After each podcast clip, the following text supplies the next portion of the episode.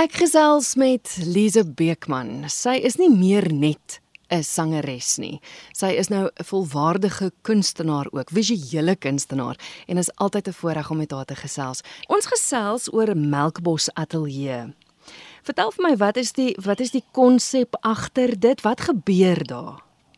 Melkbos Ateljee is 'n heerlike naweek van kuns ons mooi dorp Melkbosstrand hier by die see. So wat dit behels is dis 'n verskeidenheid van kunstenaars wat hulle studio se deure oopgooi en mense kan dan kom en kyk na hulle kuns en die wonderlike ding daarvan ook is hulle kan dan natuurlik ook met die kunstenaars gesels.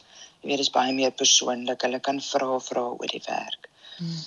En dit vind plaas op die 9de en die 10de September. Ehm um, die 9de is dit van 9 tot 5 en op die 10de September van 9 tot 4. En soos ek sê dis regtig 'n wonderlike verskeidenheid. Jy, jy weet dis omtrent 30 kunstenaars met 18 uitstaalruimtes. Daar's beeldhouwerk, daar's skilderkuns, daar's fotografie en wonderlike kunstenaars. Name wat nou vinnig by my opkom is uh men soos kunstenaars soos Eben Bekes wat daai ongelooflike realistiese werk doen. Annelie Strydom, Anna Painter. Ehm um, en dan eh, is daar daar's 'n roetekaart. So mense kan regtig hulle kom na die dorp toe, hulle kry die kaart ehm um, sommer by die Atlantic Beach Hotel en dan kan hulle daai roete volg en ek kan met vrymoedigheid sê dat hulle 'n heerlike dag gaan hê. Um, en daar is natuurlik ook die lieflike restaurante wat uitkyk op die see vir tussenin vir die honger en die dors. Heel gereeld op RSG Kuns het ek al gepraat oor sulke inisiatiewe. Dit voel vir my al hoe meer klein dorpies, klein klein plekkies trek kunstenaars, visuele kunstenaars. Hulle vestig hulle self daar en dan een keer 'n jaar maak hulle hulle deure oop en nooi die publiek om te kom kyk waar hulle werk. Hoekom is dit? Hoekom het jy besluit om Melkbosstrand toe te gaan? En hoekom is dit dat 'n klomp kunstenaars, ek wil na die woord saamkloek gebruik, maar spesifieke dorpies kies en besluit dis hier waar ons gaan tent opslaan, dis hier waar ons gaan skep. Het dit te doen met die omgewing? Het dit hoekom gebeur dit? Ja, ek dink vir my persoonlik kan ek nou eers ek nou net daai vraag eers antwoord vir my. Melkbosstrand is my tuisdorp. Um, ek woon nou hier vir bietjie meer as 20 jaar. Ehm um, so dis vir my 'n huis en hawe. En om die tweede deel van jou vraag te antwoord oor waarom is dit so dat kunstenaars dikwels na die kleiner dorpies toe gaan. En ek vermoed en hierdie is natuurlik maar nou nou maar net my persoonlike opinie. Is dit het te doen met die rustigheid wat daarmee saamgaan en die mooi mm. rondom jou. Ek dink as mens 'n kreatiewe lewe lei, is dit asof jy die geharwar en nie besige dinge wil uitskakel of minder maak sodat jou jou ehm um, jy met 'n rustige ehm um, gemoed ehm um, en omgewing kan skep. Dit is maar in my opinie wat ek dink dit is. Dit maak sin en ek dink baie van die ander kunstenaars sal heel moontlik dieselfde antwoord gee. Dit maak heeltemal sin. Nou, jy is een van die wat deure gaan oopgooi, jou ateljee gaan wys, maar jy was nou vir 4 jaar lank besig geweest met 'n projek. Vertel vir my van die ja. projek want dit is 'n interessante storie. Dit is Ehm um, weet jy ek het so 4 jaar gelede het die verspreiders van my musiek CD's en uh DVD's vir my gekontak en nie net vir my nie vir alle ander musiekkunstenaars ook en vir ons laat weet dat uh die dae van daai harde kopieë is verby.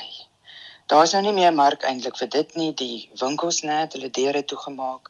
So die verspreiders het nou ook nie meer 'n afsetpunt vir hierdie harde kopie CD's en DVD's nie.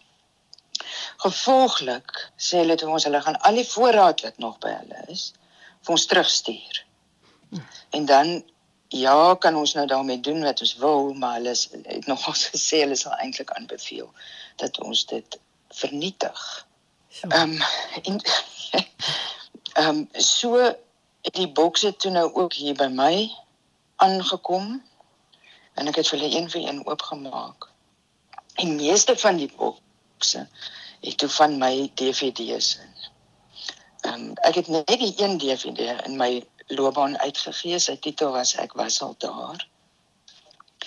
En ek moet in alle eerlikheid sê eh, dit was nogal 'n verlammende gevoel om hierdie bietjie meer as 1000 kopieë van iets van jou hele hart en siel het jy in daai produk gesit.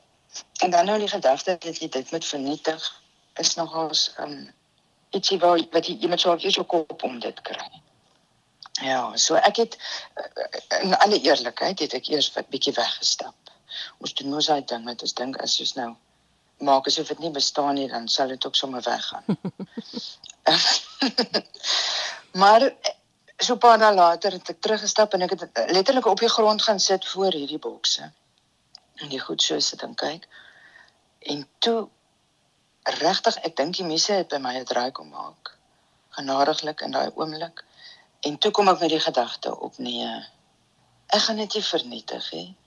Ek gaan dit omsit in visuele kuns.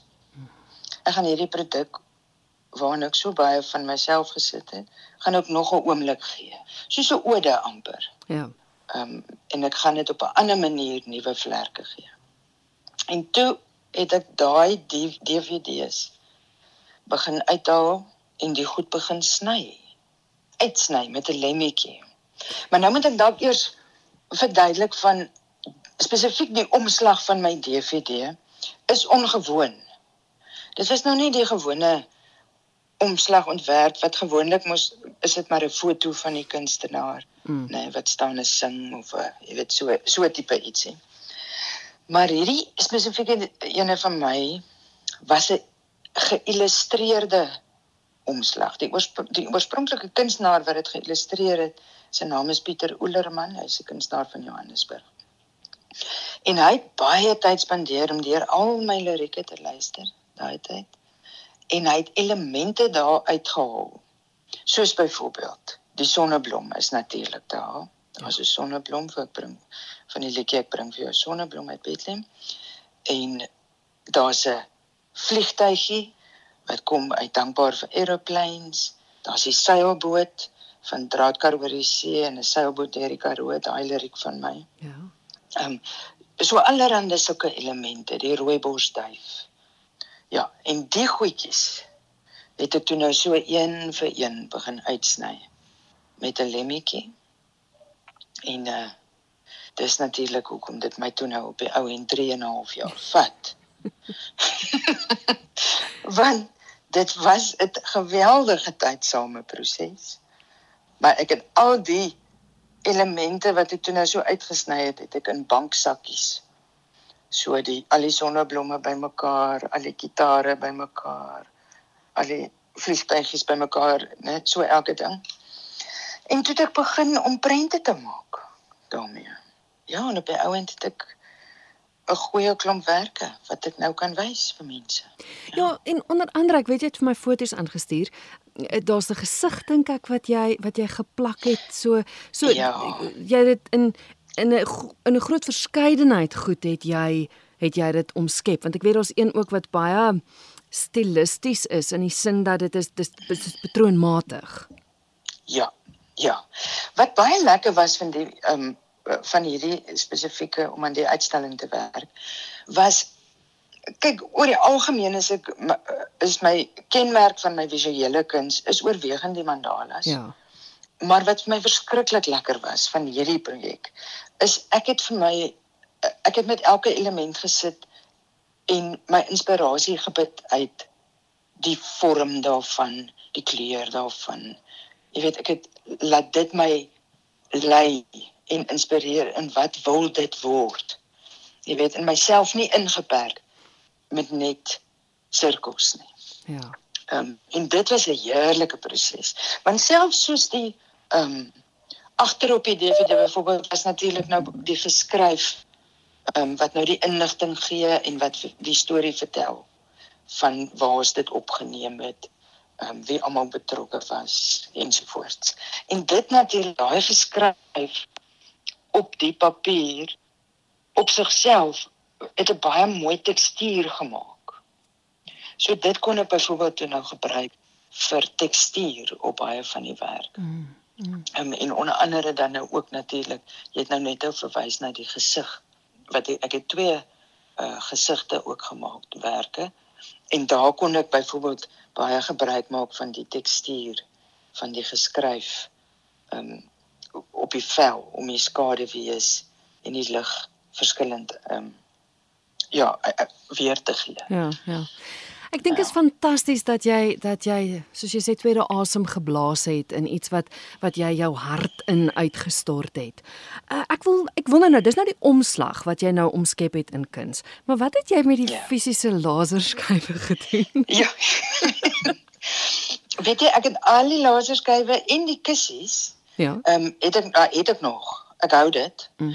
Ehm um, en ek ek is versigtig om uh, 'n absolute belofte te maak, maar ek hoop eintlik om nog dit ook ehm um, te herwin. Mm, mm. En dit ook om te sit in in werke.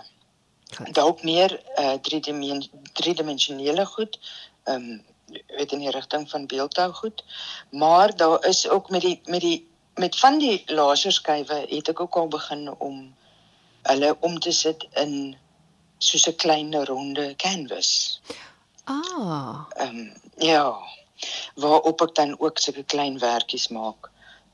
So dit is nog en daar is baie. So dit kan ek dalk nog vir jare mee aangaan, wie weet.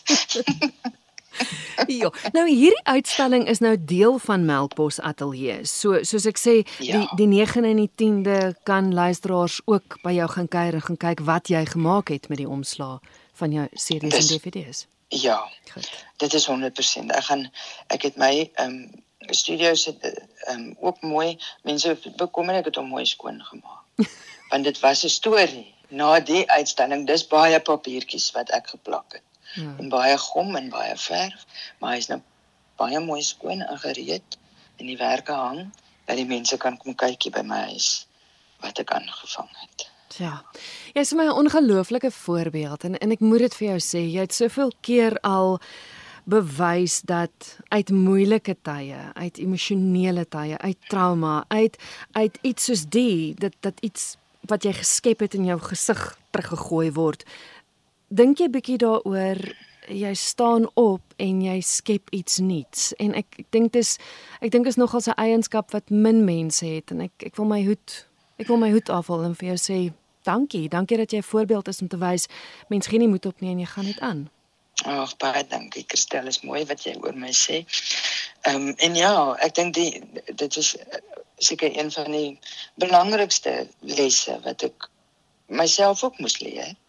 Maar ek is dankbaar dat ek het is dat iewers op 'n stadium, jy weet mens mens wil klou en klou aan hoe jy wens dinge moet wees of hoe jy glo dinge moet wees. Hmm. En jy's mens klou in wat vir jou bekend is. Maar dit lewe werk is so nie. Daar gaan regtig daar gaan altyd uitdagings op ons pad kom en aanpassings wat ons moet maak. En dan het ek geleer is dit regtig meer waardevol vir ons om ons hande oop te maak om te op 'n stadium nie so te klou nie en eerder saam met dit te beweeg um, en en die mooi daaruit iets mooi daarmee te maak.